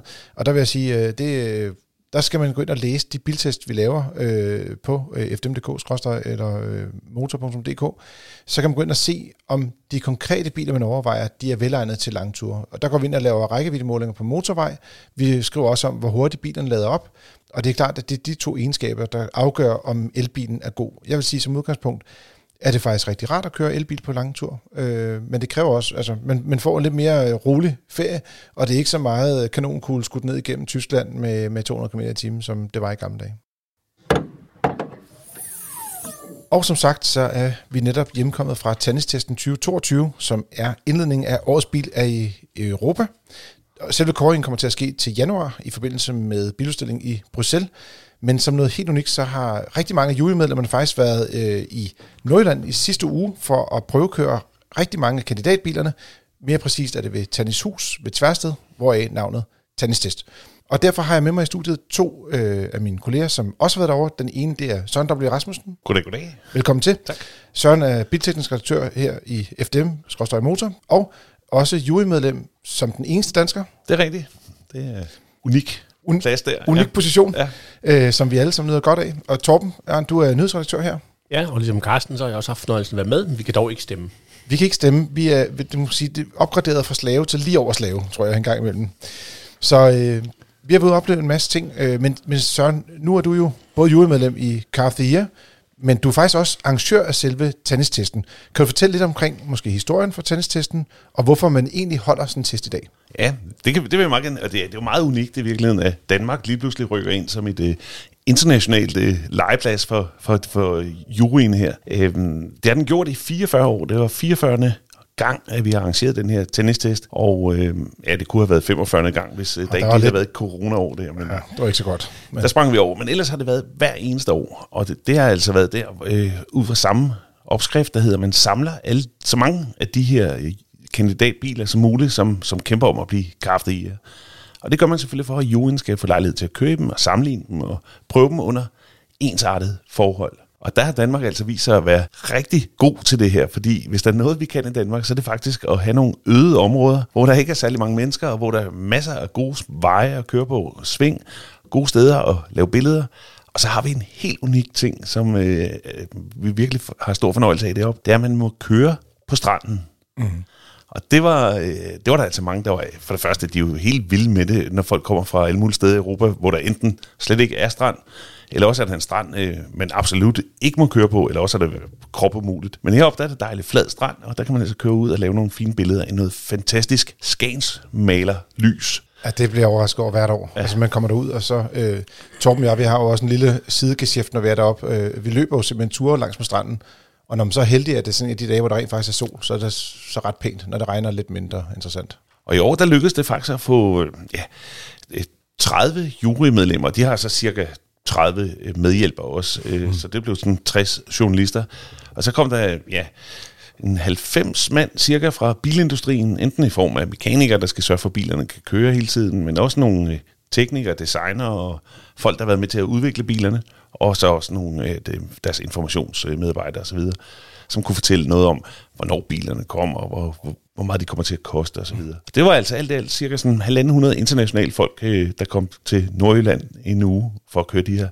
Vi havde samlet cirka 50 øh, biler Ja, jamen det vil sige, altså 150 mennesker fra øh, hele øh, verden faktisk. Det kan jo være folk, der kommer fra øh, Japan eller Kina eller andre steder, som kommer ind for at fortælle lidt omkring deres bilmærker. På den måde, øh, og der er ikke så mange, der kender måske tennistesten som sådan. Måske dem, der følger religiøst med i, i motor, vil huske tennistesten. ja, ja. Men ellers så er det jo øh, lidt overset, at man rent faktisk har sådan et øh, internationalt event, der kommer øh, år efter år. Og det er faktisk noget, som, som bilfabrikkerne satser højt på. Øh, så meget, at øh, i år var det for eksempel for Toyota, de kunne ikke nå at sejle bilerne fra Japan til Danmark for at få øh, den nye Toyota Corolla Cross med. Så den blev simpelthen fløjet fra Japan til Europa, og så var den klar til at blive testet. Så ja, de, de bruger altså nogle ressourcer på det. Man kunne også sige, at der var også en, et, et, et telt, som øh, var aflukket, Ja. og hvor der stod en bil inde, som også er en del af kandidatfeltet, men som man så kunne kigge på, men man ikke måtte, øh, øh, vi ikke kunne køre i, i hvert fald. Nej, lige den bil var ikke rigtig klar til test, men det bliver den om 14 dage, 3 uger, og så kan vi komme ud og køre i den stadig, inden vi skal nå at afgive vores stemmer. Men de havde fløjet, eller ej, det var så ikke fløjet, det var kørt hele vejen fra Torino til Danmark, og så stod der en vagt, der sørgede for, at kun dem, der havde skrevet under på, at de absolut ikke ville sige mere, end de måtte sige, før en eller anden dato, de øh, fik lov at komme ind i teltet. Og det var et, modellen hedder Jeep Avenger, det må ja, vi nok godt Det sige. må vi godt sige, ja. Og, og man, hvis man kigger i motor, kan man også se et billede af den, fordi den, den er afsløret sådan designet på Det er den, designet på udvendigt. Men vi må absolut ikke sige noget om, hvordan den ser ud indeni. Så det, det husker vi lige pt. ret dårligt. Ja. En lille detalje, jeg så udvendigt på bilen, det var, at der var en mariehøne, øh, ja, som var rigtigt. lavet i, altså støbt, formstøbt i, i, i plastikken øh, op ved tagrælingen. Nå, Men men der er ret mange øh, sjove detaljer ved den der ja, ikke også? Jeep. Øh, nu kan dem ind- indfra må vi ikke sige, men den laves meget praktisk, kan vi godt tillade os ja. at sige om nogle ikoniske Jeep-ting og sådan noget. Det er jo en ret, rigtig spændende, øh, hvad kan vi kalde det, sådan en mini-SUV, vil vi sige, ligesom en Peugeot 2008. Ja. Så den kommer her så længe. Og det, Jeg og tror det er også, også godt, vi må sige, det er en elbil. Det var i hvert fald ret tydeligt på den. Lige præcis, ja. Øh, vi har, altså en af de helt store fordele er jo selvfølgelig, at vi får de her øh, enten verdenspremiere eller europapremiere, eller i hvert fald Danmarks premiere deroppe, og øh, vi har prøvet ret mange biler, som vi ikke havde haft mulighed for at køre før. Øh, tre af dem, de ligger øh, tilgængelige inde på vores hjemmeside. Det er MG4, som Søren har været og køre i, og den er jo rigtig spændende elbil til 285.000. Så har vi en Toyota Corolla Cross, som Torben er ude at køre i, som er på vej på hjemmesiden. Og øh, som også er rigtig interessant, fordi at det er for dem, der stadig vil tanke med benzin, men også gerne vil køre lidt elektrisk, når bilen tillader det. Øh, og så har jeg været ude og køre i BMW iX1, den nye øh, X1-model øh, i elektrisk udgave. Dem kan man gå ind på fdm.dk og læse. Men det er sådan lidt de der lidt mere formelle ting, men der er også nogle sjove ting, man ser derude. Altså, vi har prøvet nogle forskellige biler undervejs også. Der var 50 biler, som du Ja, sagde. ja. Søren, hvad for nogle ting fangede dig i løbet af ugen? Jamen, altså, der, var, der er jo den bil, som jeg synes var sjovest øh, at køre rundt i deroppe, det er den her Volkswagen ID-Boss. Ja. Og, og det var bare fordi, man kan ikke lade være at smile, når man sidder bag rattet, fordi man kan simpelthen se, at fodgængerne, der går øh, langs vejen, de stopper op, de peger mod bilen, folk hiver deres øh, telefon frem for at tage et billede af bilen, og de står og simpelthen snakker om den bil, der lige har passeret den. Det er den mest i øjefaldende bil, man overhovedet kan køre i. Det var sjovt. Men, men den bil, der gav det største indtryk, mm. det var altså, og det må jeg sige, at der er vi også underlagt lidt embargo, men nu kan jeg godt afsløre en lille smule. Det er den nye 7-serie fra BMW, som er jo meget aktuel i de her dage. En ministerbil. Ja, som er elektrisk, som eller er også blevet- findes elektrisk. Ja, den får både benzin, diesel, og, men, men også som ren elbil. Og det var altså vildt at køre den bil. Hold nu op. Der er noget med, at øh, vi må ikke tale om selve køreegenskaberne. Er det rigtigt forstået? Ja, det er rigtigt. Men en ting, jeg har fundet ud af, vi godt må sige, det er, at øh, den berømte filmkomponist, Hans Zimmer, Ja. som nogen måske kender fra nogle af de her øh, store stjernekrigsfilm, han har sagt. Ja, at, øh, han har lavet meget film ja. til, til Hollywood. Hollywood-film, store Hollywood-film. Han har så også fået det til opgave at lave alle lydene i BMW-bilen. Mm. Og så tænker man, hvor mange lyde er der lige? Men der, der er nogle lyde, som skal give sådan en indtryk af, at man kører i bilen. Det lyder, ja, uden nogen, nogensinde har hørt det, men det lyder som en UFO. Ja. men det er også ham, der har designet øh, blinklygterne, når du, når du blinker, eller øh, den, der advarer, hvis man har glemt at tage sikkerhedssele på, og der er jo en million lyde i sådan en bil der, og det har han altså taget sig af det hele, og det er ret vildt, at det kommer ud af 40 højtalere i bilen, eller noget af den stil. De har også haft de her Hans Zimmer-lyde i nogle af deres egne andre modeller, men jeg vil sige, det, det er nok den mest altså, imponerende lydoplevelse, vi har haft ja. hidtil. Det var også i den der iX1, den havde det også. Ja. Det var heller ikke lige så voldsomt, som det var i, i 7'eren. Nej. Jeg synes, at bagsædet slog mig mest, faktisk, Ja. ja. fordi at vi har også haft en EQS fra øh, Mercedes til, til test tidligere, som også er i den samme klasse, men der synes jeg, at man ikke sad lige så godt, som man sad i en normal S-klasse, altså deres topmodel. Men der synes jeg, at BMW havde fået løst det lidt bedre med, at man rent faktisk havde et, et rigtig godt bagsæde, ja. øh, også i den elektriske udgave. Så her er rådet her med givet Ja. videre til de kommende ministre. Ja. Ja, hvem, hvem end det er, det bliver. Og, og BMW'en laves jo kun i, i den lange udgave, og, ja. Ja. og, det, og det er jo det, der gør, at Det man det, der nærmest kan få en hel oplevelse af at ligge i en seng eller en diva, eller hvad hedder sådan noget. øh, Det er, jo, det er fantastisk. Ja, Søren, vi skiftes jo faktisk lidt til at køre hinanden, så man også kunne sidde og, og nyde den der ja. 31 tommer skærm, der kom ned fra loftet. Øh, også. Ja. Vil næsten tro, de der gulvtæpper var ekstra udstyr, ikke? Men, øh, Øh, de sagde, at, og nu bliver jeg, det bliver lige lidt på sådan huskeren, jeg mener, de sagde, at, at det, var, det var et lidt specielt indtræk, der var i bilen. Ja, Det, det er, og det var i delvis cashmere. ja Kashmir. Gans, ganske almindelig Kashmir til en Ja. ja. 50-100.000 ekstra. Ja, fordi det var, det var jeg mener, sagde 20.000 euro ekstra i, i Tyskland, men i Danmark er der jo afgift på, jo, så det bliver, puh, det bliver dyrt. Så det var mindst, mindst 150.000 kroner øh, for at få lov til at få den slags øh, indtræk, når man ikke skal have læder. Ja, øh, Torben, hvad, hvad, hvad havde du sådan af, af ting, du faldt for?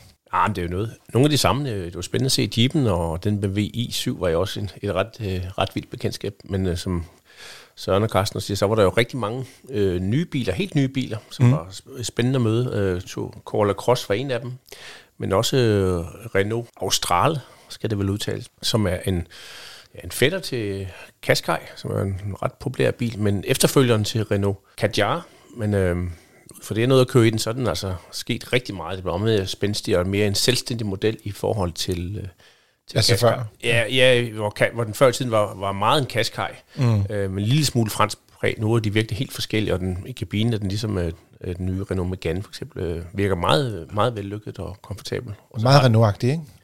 Jo, sådan en moderne Renault, som de nye, men jeg kunne jo godt kende nogle af tingene fra nogle af mine egne gamle Renault, og så betjeningen af lydanlægget kan jeg rigtig godt lide. Den sidder på stille, den, og selvom man drejer rettet, så sidder, så sidder knappen øh, det samme sted, så man kan godt skrue op ned for lyden, selvom man, man drejer. Ja, det er faktisk meget rart lige at have en fysisk knap der, ikke? Og så men, også, hvis man, når man forlader den, så låser den selv døren. Det, ja. det synes jeg er også en fin ting. Men den havde jo fået øh, det her, som jeg er helt pjattet med, og som kommer i alle Renaults øh, biler nu, det er det her Google Automotive System. Og det vil sige, at deres øh, skærm, det er simpelthen et stort øh, Google-styret øh, anlæg, som også forstår dansk tale og skriver på dansk osv. Så det her med, at Torben han bruger øh, konsollen til at skrue op og ned for lyden, det kan man i virkeligheden bare bede den om at sige, hey Google, Skru op for lyden, og så... Ja, det er, det er jeg for gammel til. Nå, okay. jeg synes, det er fedt. Det var da sjovt. Jeg, jeg talte faktisk med en af, øh, hvad er det, øh, en af udviklerne fra BMW, og så var der en anden kollega, der spurgte ind til, hvorfor de havde fjernet alle knapperne i bilen, og så begyndte øh, ham der BMW-udvikleren, eller ham, der havde ansvaret for øh, den nye 7-serie, at sige, nej, men det var også, han, han kunne også godt selv lide, at der var lidt knapper, men hans chef kunne godt lide talestyring. Så sagde jeg, sådan er det, når man har en sekretær. Og, og det er meget sjældent tysk og griner, men den synes jeg alligevel var lidt morsom. Så jeg tror, det er, hvis man godt kan lide det der med, øh, jeg tror også, vi skal til- vende os til det med talestyring, bare kommer mere og mere ind i bilerne. Især når de gør, som du siger. Man også, der var faktisk en anden, også en helt ny, øh, måske mere spændende nyhed, end jeg lige troede. Det var en ny Nissan X-Trail, mm. som jo er en storbror til Qashqai. Ja. Og med samme platform og og meget den samme øh, teknologi, men den adskiller sig alligevel, og, og den har lige fået en skrue op med, med midterkonsol og læderindtræk og, og sådan noget. Den er, Er du meget lækker i kabinen, faktisk? Ja, overraskende er. Ja. Nu må vi jo sådan, hvis nok indtil videre heller ikke sige, hvordan den kører, men de havde medbragt den her, der hedder e-Power. Men vi kender den fra, fra den mindre Qashqai. Den kommer så ikke til Danmark, men det gør den øh, højst sandsynligt i, i X-Trail, som er sådan mm. en slags, ja teknisk set er det en C-hybrid, det vil sige, det er en, en benzinmotor, der driver elmotoren, eller leverer strøm til elmotoren, som altid driver bilen. Og jeg vil i hvert fald sige, at i, i øh, Qashqai virker det øh, ret fint. Vi kan ikke rigtig udtale os om det, om det er nogenlunde det samme i X-Trail, men, men det må du gætte dig til. I hvert fald samme ydelse og samme teknik. Og så er det, øh, hvis man tæller efter, faktisk den eneste bil med syv sæder i hele testen deroppe der. Så det var øh, noget for det store, de store familier. Man kan sige, øh, nu har vi jo også øh, i næste uge alle tre en opgave i, vi skal over og se på den indledende runde af Årets Bil Danmark, som minder lidt om det, og, og jeg synes, en af de ting, man lagde mærke til der, det var, at der var lidt færre biler, end der var sidste år, og jeg synes også, øh, i tandestesten havde vi også lidt færre biler. Nogle gange har vi haft op mod 60 eller 70 Ja, ja. biler. Øh, man kan godt mærke, at vi er sådan en periode, hvor det er, at øh, bilmærkerne enten er, kom, er blevet lidt forsinket i deres udviklingsproces, Det er nemlig. eller også er det omstillingen til elektrificering, som gør, at de udskyder lidt, end hvornår der kommer et modelskifte i virkeligheden. Ikke? Altså, og, og det nu siger du syvsæder. Der er ikke særlig mange syvsædede biler. Selv øh, ID Boss kommer først senere som ja. Ja. syvsæder, for eksempel. Øh, lidt overraskende, øh, men jeg synes også, ID Boss'en, den var jo ret... Ja. det, det, var sjovt, man kunne se ned på, på parkeringspladsen, når man gik rundt dernede. Så kunne man se, hvor at, øh, skal man sige, de lokale gik rundt og stemlede. Ja. Og det var øh, den, der, den nye folkevogn. Måske nogle af dem, der også var forsinket, eller i hvert fald ikke nåede det her til tennistesten, og som måske heller ikke til Carvier-køring. Det er jo nogle af de nye kinesere, som er lige på trapperne. Ikke? Der, det har været ret spændende, men dem får vi jo se inden så længe. NIO for eksempel, og så BYD, som jo begge to har annonceret deres snarlige ankomst ja. til Danmark. Ja, vi havde dog lige besøg af NIO deroppe i en, en model, som måske ikke lige kommer til Danmark, men som er stor sælger det i Norge. Og der var den norske NIO-importør lige klar til at sende en til Danmark, så fik vi lejlighed til at hilse på bilen og se, hvad den kunne, og vende os til det her nye bilmærke, som jo genindfører, er det ikke rigtigt, batteriskifte-teknologien? Øh, jo, NIO gør, ja. Ja, De er ved at bygge deres første station i Danmark, der kommer nogle ja. stykker. ja. Og øh, hvad det, de, det var den model, der hed ES8, som er en luksus-SUV. Jeg bliver faktisk i tvivl om, den havde syv sæder. Den havde seks, tror jeg. Den fås både med 6 og 7. Lige Ja. ja. den, der var deroppe, havde kun 6. Den havde kun seks sæder. Så, ja. så lige på, øh, der blev lige reddet på, på, for fintællingen. på fintællingen der. Ja, ja. Men er det, øhm, jeg synes faktisk, den var overraskende ved, at den var virkelig luksuriøs og meget stille. Ja. Altså, det, det, normalt når man sætter sig ind i sådan en ny bil, og siger, her er der en ny øh, kinesisk øh, elbil, så tænker man lidt, det, at det er billigt. Det, det kan man jo måske lige opleve med MG4'en, som man kan læse i den anmeldelse. Men, men her, der var det virkelig, altså det var nærmest luksusbil, ikke? Au. Der Altså, var jo også øh, luft, efter luftaffjedring. Altså, Ja. ja. Det er ret vildt i en kinesisk bil, hvor man... Altså, nu har vi jo nogle fordomme, og de fordomme, de kommer helt sikkert til at blive flyttet eller nedbrudt her de kommende tid. 100. Men, men der er nok mange, der vil sige, ah, luftaffjedring en kineserbil, det var... Men der, der sker nogle ting der. Ja, det, det kommer vi til at se i nogle af de andre også. Ja. Det er virkelig ret forholdsvis dyre og luksuriøse biler. Ja. Også øh, den hedder BYD Tang, som vi også snart får i Danmark, som også er sådan en, en stor... Øh, jeg mener også, der, der er også syv sæder i den. Ja. Og, mm. øh, og nogle af de her NIO kan du også få med... Øh, eller BYD, nogle af deres sportsvogne kan du få med dynamisk ja. affjedring, undervogn og sådan noget. Så det, det er ret store og, og avancerede biler. Og den der tang, den er ikke opkaldt efter den tang, der lå nede på stranden, men det er noget med et tang-dynasti i Kina. Ah. Som, øh, Ja, som, ja. Indtil videre har de opkaldt efter sådan nogle kinesiske dynastier, så der kommer sådan en luksusstang, den hedder Han. Han-dynastiet. Ja, som, ja, Ja, på nu, nu prøver man ikke at kunne så meget øh, mandarin i fremtiden, for nu kommer de til at hedde Atto alle sammen, og så et ciffer bagefter. Ja. Atto, og der er noget dansk i det, er der ikke det? Jo, jo, det er en lidt sjov historie. Atto er en meget, meget, meget, meget, meget lille enhed i det metriske system. Øh, 10 i minus 18, tror jeg. Det må noget med 18, fordi og Atto kommer så af det danske tal 18, faktisk. Ja, Et eller andet tal, der blev vedtaget i 50'erne, tror jeg. Så der var lige en dansk indspark i, i Kina, lige også præcis. der. Men Carsten, der var også en sjov ting, øh, nu vi snakker om de biler, der ikke var der. Ja. Øh, vi havde jo for længe siden håbet at kunne oh, okay. sige goddag til Toyota og Subarus nye elbiler. Øh, Den, det- den Toyota, der hedder BZ4X, som vi har haft en forpremiere af Ja, faktisk, rigtigt. men så, så mistede den nogle hjulbolde. Ja, og den Subarus øh, fætter der, den hedder Solterra. Mm. Det er noget med sol og jord, eller sådan noget blandet sammen med et samme ord. Det mødes lige der. Ja, lige præcis. Men øh, de mødes altså ikke i, i, i øh, tennistesten, fordi de måtte melde afbud. Bilerne er simpelthen grounded, og det har de været i, ja, hen over sommeren her i hvert fald. Øh, En gang i juni, vi fik af- afmeldt til vores øh, gruppetest på det tidspunkt ja. i hvert fald. Og jeg øh, spurgte øh, Toyota, om de har produceret biler. Det har de ikke. Samlebåndet har simpelthen stået helt stille. At I den mellemliggende periode. i den mellemliggende periode, og øh, de skulle finde ud af, hvad der var galt. Problemet var, at under særlige omstændigheder kunne hjulet simpelthen falde af bilen, forhjulene. Ja, det er ikke så heldigt. Det er ikke så heldigt. Altså, Det skulle de finde en løsning på, som var stensikker på, at det ikke skete igen. Det har de fundet nu, heldigvis. Det kunne de fortælle, og produktionen starter her om ganske få uger, og så starter leverancerne til både danskere og alle mulige Og, andre. og løsningen, den er... Løsningen er simpelthen, at de har konstrueret nogle nye hjulbolde. Ja. Men dem skulle de først konstruere, teste og sætte i gang i produktion og så videre, sende ud i hele verden, og det kommer her i løbet af måneden. Og så fordi det er Toyota, så skulle de være ikke 112 procent, men 1000 procent sikre ja. Ja. på, at det hjul ikke faldt af igen. For det, det, det havde de ikke råd til. Det havde de ikke råd til. Eller men, sådan, i hvert fald øh, PR-mæssigt. det har jo også været en dyr øvelse, det her, tror jeg, lige at have sådan en samlebånd stående helt stille i, i tæt på et halvt år. Men når den så at komme med i vurderingen af den samlede... Øh, yes. Altså, fordi nu har vi haft den her, øh, vi kaldte den lidt bootcamp til ja. Ja. Car of the Year, Ja. øh, men, men der kommer en lille mellem- mellemliggende periode, og hvad kommer der til at ske sådan rent øh, sådan afstemningsmæssigt, tænker jeg på? Bare lige så øh, lytteren lige kan komme med på ja. Rejsen mod øh, Altså Growing det, der sker, det er i Europa. cirka i rundtal 1. december, skal vi have fastlagt præcis, hvilke biler, der egentlig kvalificerer sig til at være krafte i. Det vil sige, de skal, de skal være til stede på fem hovedmarkeder i Europa. De skal, mm. Det skal det være inden årets udgang, den 31. 12. Skal kende prisen, det vil sige, at man skal kunne købe bilen. Man behøver ikke at få den leveret, men man skal kunne købe den. Mm. Og øh, skal bilen selvfølgelig være helt ny. Ja. Øh, og det, det opfylder både Toyota og Subaru, så de kommer helt klart med på den der liste. Nå ja, så den sidste ting, det er også, at juryen skal have mulighed for at have kørte bilerne også. Ja, og det har de jo så også, Det har vi så især også i haft, men, men vi får lejlighed til lige at genopfriske vores øh, indtryk af bilen, fordi Toyota kommer så samtidig at introducere noget helt nyt, som vi skal prøve. Det er noget, der hedder steering by wire, og det er altså der, hvor man har fjernet den mekaniske forbindelse mellem ret og tandstangen ude foran. Så når man drejer på rettet, så er det bare en lille elektro øh, enhed, der registrerer, hvor meget man drejer. Og så sender den signal ned til en elmotor nede ved hjulene, mm. som så drejer hjulene tilsvarende. Men det vil variere afhængig af, hvor stærkt man kører.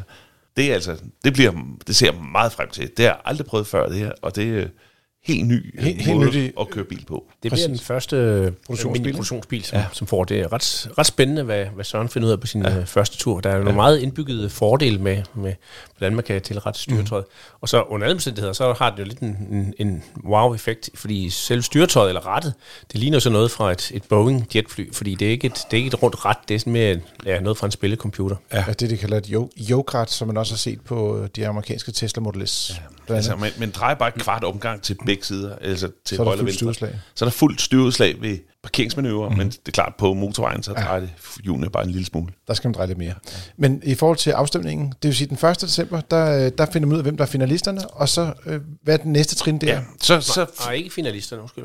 Jo, Jo, det er de syv finalister. Ja, ja, det kommer sådan meget kort. Der, først finder man ud af præcis, hvilke biler Ah, er med på den lange liste. Med på, det, på kandidatlisten, Ja. ja. endeligt. Det er omkring den første. Ja, og kort efter stemmer vi ud af de biler, der skal vælge syv, som går i finalen. Yes. Og dem får vi så lejlighed til at teste yderligere, måske prøve dem i nogle andre varianter, end dem, der hidtil har været præsenteret. Bilfabrikkerne kommer måske at vise, hvad 2023 vil bringe af, mm. af ændringer til dem. Og det kommer til at ske i, ja, hvad kan man sige, december og første halvdel af januar. Og så skal vi lige kort inden, som du nævnte, lige kort inden udstillingen i Bruxelles, biludstillingen i Bruxelles, mm. hvor vinderen bliver offentliggjort, der skal vi så vælge, hvad for en af de syv biler, vi synes, der skal øh, Have titlen. have titlen Car of the Year 2023. Jamen, øh, vi vender tilbage, når vi først har øh, finalfeltet, øh, i hvert fald i forhold til kaffe i Europa, og sideløbende kommer vi nok også til at tale omkring årets bil i Europa, hvor vi alle tre også er med. Så, Ja, årets bil i Danmark, ja. undskyld, årets bil i Danmark. Så er der både en Europatitel og en Danmark-titel, der kører sådan nærmest sideløbende. Det er ganske... Ja, Må vi prøve at holde styr på. vi, vi Men- prøver at holde styr på det. Men danskerne er lidt hurtigere end europæerne, så øh, vi, den danske årsbil i Danmark, den, den overhaler indenom.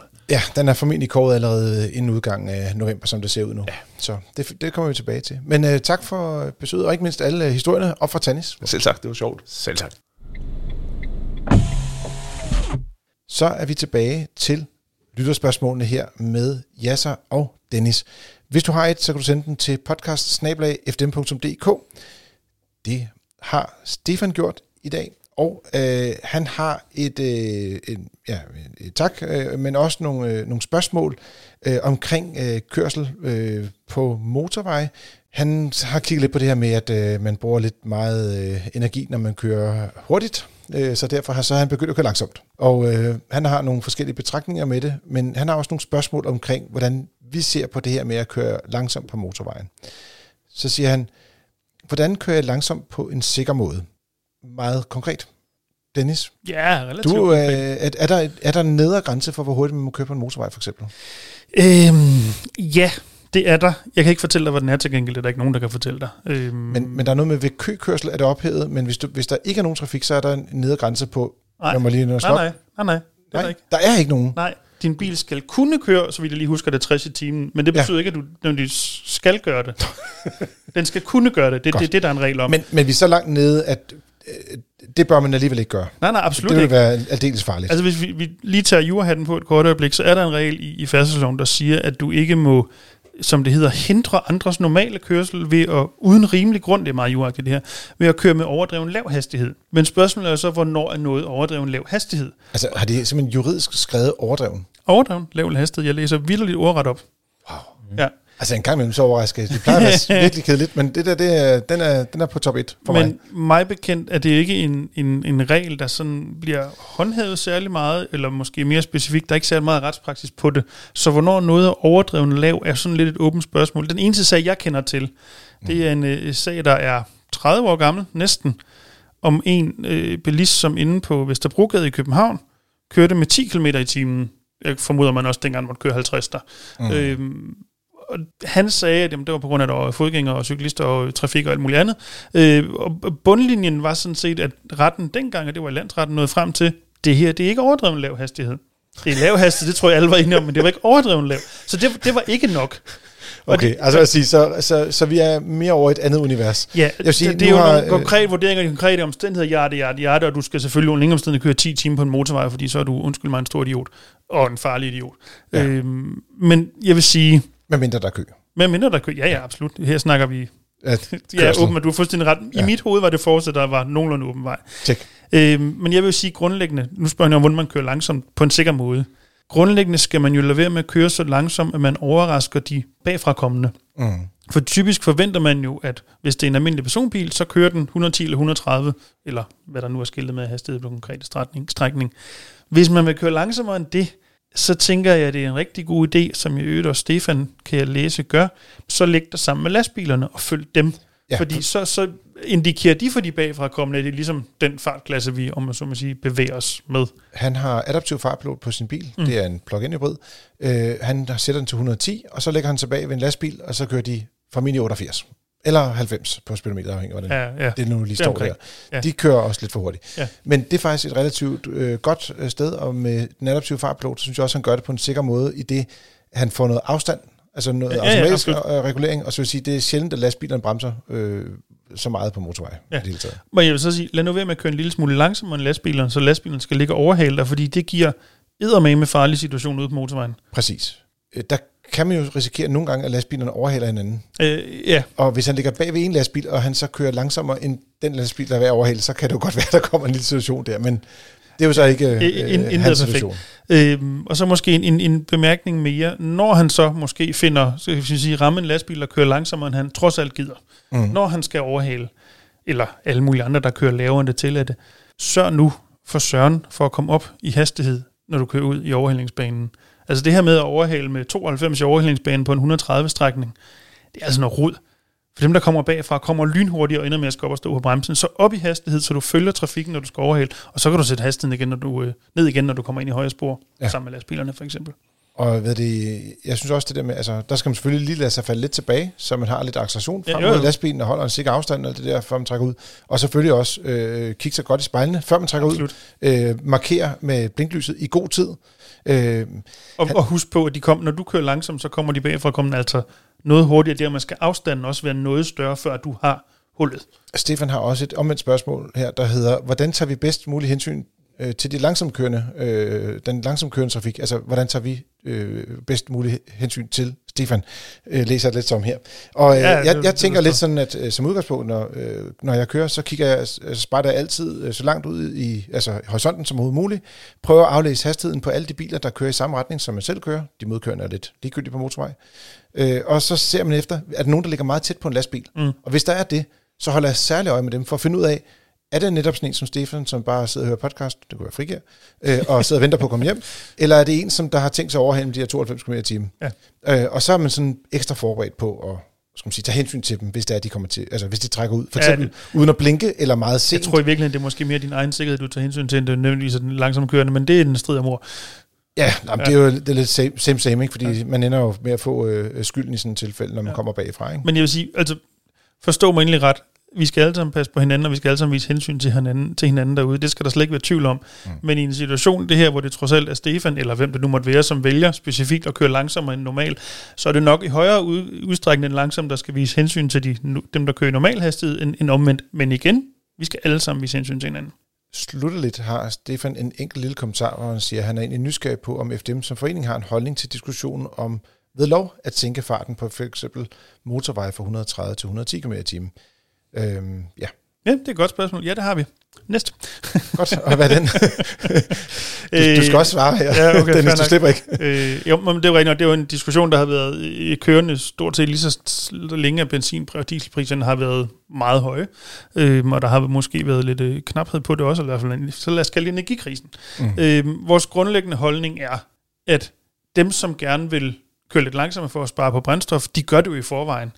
Øh, og det, man kunne opnå ved sådan CO2 brændstofforbrugsmæssigt ved at sænke hastigheden for alle, er meget, meget, meget, meget lidt. Blandt andet også fordi, at altså de færreste motorstrækninger, hvor gennemsnitshastigheden i forvejen er den tilladte. Så det, vi synes, det er en dårlig idé at lovgive om en lavere hastighedsgrænse. Men mm. selvfølgelig dem, som gerne vil køre for eksempel 110, 130 i stedet for 130, har mulighed for det under de forudsætninger, som vi også sagde mm. tidligere. Og det skal de også bare gøre. Ja. Men man skal ikke lovgive sig ud af det. Der skal vi holde de hastighedsgrænser, vi nu engang har. Vi har også fået et øh, spørgsmål, eller øh, flere spørgsmål fra Jens, øh, og vi forsøger her at svare bedst muligt øh, på dem. Øh, han har også en lille øh, tip til, hvordan man måske kunne øh, holde forruden ren. Øh, men det øh, er ikke det, han spørger ind til. Han spørger ind til noget teknisk, og dermed også lidt øh, noget jassers territorie, øh, og noget omkring omdrejningstal og benzinøkonomi. Hvor arbejder øh, en benzinmotor mest økonomisk? Og så har han en masse forskellige eksempler. Men ja, så hvis du skulle... Det, det, det er jo et ekstremt kompliceret øh, emne, det her med, hvor arbejder en benzinmotor mest øh, økonomisk. Men kunne du komme med et lidt teknik omkring det? Fordi så kan jeg komme lidt på, hvad man kan gøre sådan bare i praksis. Ja, altså man kan sige, at øh, forbrændingsmotorer, øh, ben, altså der er forskel på benzin- og dieselmotorer, og udover det, så, så, så ligner forbrændingsmotorerne øh, ganske meget hinanden. Men det man kan, man kan sige, at, at man skal tænke på, hvis man gerne vil køre øh, brændstoføkonomisk, det er, at alt efter den belastning, der er på, på bilen for at udføre et stykke arbejde, og det er uanset om man kører op ad bakke, eller ned ad bakke, eller hvad man nu skal, jamen så skal man prøve at ramme det her sweet spot, så man ligesom ikke øh, kværker motoren. Det vil sige, det, det kunne eksempelvis være, at, at man kører i et meget højt gear på vej op ad en bakke, jamen, så kan motoren ikke yde, fordi at udvekslingen i gearkassen er, er ikke optimal i, i forhold til det omdrejningstal, man kører med. Øhm, det, skal man, øh, det kan man typisk også høre på motoren, altså den er ikke rigtig glad. ja, lige præcis. Den er ikke så glad for at køre i det område. Øhm, jeg ved godt, at der er rigtig mange øh, moderne biler, der er sådan en øh, automatisk, øh, der er sådan en, en, en skifteindikator i bilen, mm. og, og den begynder jo at, at sige skift til fjerde, skift til femte, og så videre ved meget lav hastighed. Og så skal man lige overhale, og så er man jo i, en, i, i lige pludselig en anden situation. Så skal man skifte gear til et, et, et, øh, et gear, hvor at omdrejningerne på motoren ændrer sig, det vil sige, at man lægger sig et andet sted på sin momentkurve, og på den måde, så kan man også komme frem. Men det kommer helt an på omstændighederne, så dine motoromdrejninger og dit gear skal være, hvad kan man sige, synkroniseret efter de omstændigheder, som du, som du kører på, øh, kører efter. Lad mig komme med et eksempel. Hvis du kører ud af en lige vej, hvor der ikke er, hvad kan man sige, øh, øh, stigning på, på, eller hældning på vejen, stigning opad, jamen så kan du godt køre i et højt gear med lavere omdrejninger, mm. uden at motoren tager skade af det. Øh, men hvis du øh, øh, kører ind i byen for eksempel, og kører i et forholdsvis højt gear for at spare på brændstof, og der kommer en høj bakke, øh, så begynder du så at, at klokke i motoren, og så begynder du så at, at sejtrække. Og det har motoren mekanisk ikke særlig godt af, og du ligger et dårligt sted på, på momentkurven, og derfor så, så, så får du det her ruskeri, eller du kan høre, at, at, at motoren, især hvis det er en meget gammel bil, jamen, så kan du høre, at den, den ligesom tændingsbanker, som man kalder det. Ikke? Hvad, hvad for nogle skader kan man få ved sejtrækning, eksempelvis? Jamen, det, du, kan, du kan typisk få skader på, øh, på sådan noget som øh, dobbeltmasse svinghjul, som der sidder, øh, altså det er den øh, komponent, der, der overfører kræfterne fra gearkassen til motoren. Øh, men svinghjulet er også det, som sørger for, at øh, motoren bliver med at dreje rundt. Ikke? Også, der, er noget, der er noget vægt i den, ikke også? Jo, altså ja. man, man kan sige, at det, det er tungt, men, men svinghjulet er der, som man kan sige, at det er der, hvor koblingen ligesom mm. lægger an mod, for ligesom at tage kræfterne fra motoren og overføre til gearkassen. De her moderne biler har det, der hedder dobbeltmasse svinghjul, øh, og de kan godt gå til, hvis man sejtrækker meget. Øh, derudover er koblingen heller ikke glad for det her, øh, så det er ikke særlig smart. Der er også en anden ting i det, øhm, med især moderne turboladede motorer. Hvis man sejtrækker meget, øhm, så kan man få det, der hedder LSPI, øh, som er en forkortelse for Low Speed Pre-Ignition. Det vil sige, at man får en, en, øh, en tænding, før det egentlig er tiltænkt. Og det er for eksempel, mens stemplet er på vej op, så, så øh, på grund af, øh, øh, hvad kan man sige, varme og, og, og øh, andre ting, øh, det kunne også være olie, øh, øh, rester og så videre, øh, så, så begynder motoren så at tænde på et forkert tidspunkt. Og det, det er noget, som, som, som der kan skabe store ravage. Så den selvantænder er faktisk lidt ligesom man oplever i en dieselmotor, altså typisk, øh, den, den gør det så på et andet tidspunkt øh, i cyklusen, men, men det er simpelthen selvantænding uden gnist. Lige præcis, og det, og det er jo det, der er, man kan sige, benzin skal antændes med en gnist, hvor diesel det antændes af, af den øh, kompression og den varme, der skabes, mm. og så på et tidspunkt, så, øh, så får du en forbrænding. Øhm, og det er ikke særlig smart på, på turboladede motorer. Så, så jeg vil sige, du skal lytte på motoren, øh, i forhold til, øh, og, du, og du kender din bil, så prøv at lære den ligesom at kende og sige, hvor er det, at den arbejder godt. Øh, og så kan man samtidig holde øje med sine forbrugsmåler i bilen, Øh, øh, nogle gange så kan man se på, jamen, hvad bruger jeg lige præcis nu og her? Hvor meget brændstof bruger jeg? Mm. Så prøv at kigge på det, øh, og så se, jamen, i forhold til, hvordan motoren lyder, og i forhold til, hvor meget jeg træder på speederen, hvordan ser det så ud i, i forhold til brændstofforbruget? Det er super smart det der, fordi man, man kan tage for eksempel, hvis du kører 80 på, på, på landevejen, mm. og så sige, jamen så prøver det i 4. gear eller 5. gear, eller sådan noget 6 gear, så kan så 5. gear og 6. gear, så finde ud af, hvad er forbruget ved de to forskellige situationer. Mm. Så kan der måske være en lille stigning på en bakke, så kan man også prøve at skifte det, det ene, skal man sige, gear og det andet gear, så finde ud af, hvor det er, man, mm. man ligesom rammer the sweet spot. Ja. Øh, og så kan man også, hvis man er, øh, gerne vil have tips til at køre øh, grønt eller køre længere på literen, så har vi også nogle kørekurser faktisk, mm. hvor man kan komme ind og få øh, tips til ens konkrete bil også, hvordan man kommer ud og kører, kører længere på literen. Mm. Til allersidst så har øh, Jens også en lille beretning omkring indfaset opladning, fordi at han har oplevet, at øh, han, han kan faktisk godt klare det her øh, hverdags øh, opladning, selvom han dog øh, godt kan se, at øh, hmm, han har nogle dage nogle udfordringer med, at øh, hvis han skal lade i, i 8 timer, så er det lidt svært han, at holde sig inden for de perioder, hvor det er, at man, man køber billig strøm, fordi at, øh, det er typisk øh, lidt kortere periode, man får den, mm. den helt billige strøm i hvert fald. Øh, Øh, han har en øh, Gear 1 år, det er jo de første generationer, som vi har talt om tidligere, har jo kun et ladning, og senere kom der en kraftigere trefaset ladning. Men jeg vil sige, i hvert fald sådan som det er lige nu, så vil det i hvert fald være en klar fordel at have den trefasede ladning. Jeg synes også, når man har en bil med så stort et batteri, så er et ladning lige på, på kanten. Det er måske mere egnet til plug-in hybrider, og så de helt første elbiler, som havde meget små batterier. Jeg ved ikke, om I har nogle kommentarer til et ladning? Nej, altså hvis, hvis han kan få det til at løbe rundt, skulle jeg til at sige. så er det jo fint, Så er det jo fint, ikke? Men, men, men han, er jo, han ved jo godt, hvad begrænsningen er i hans bil. Ikke? Det er øh, det her med, at, at du har en, en, øh, en bil, der lader øh, langsomt. Det vil sige, at øh, du, når, du, når det er smart at hælde masser af strøm på, jamen det, det, det, det, det, den mulighed har han ikke. Mm. Øh, så det bliver bare noget dyrere øh, potentielt. Og, og så på, på et tidspunkt, når han skal sælge bilen, jamen så vil folk nok øh, lidt øh, gå hen imod den, der er øh, trefaset, så han skal ikke forvente at få lige så meget for den. Øh, omvendt, så, øh, så er dem, der, der skal købe sådan en bil, øh, de kan måske få den til en billigere penge. Du har lyttet til Frigær. Det er din podcast om biler og livet som bilist. Husk, du kan trykke abonner i din podcast-app og anbefale os meget gerne til en ven. Har du spørgsmål, så kan du sende dem til podcast Ja, så Dennis, tak Tak lige måde. Selv tak. for jeres øh, dejlige input. Og til dig, kære lytter, tak fordi du lytter med, og god tur derude.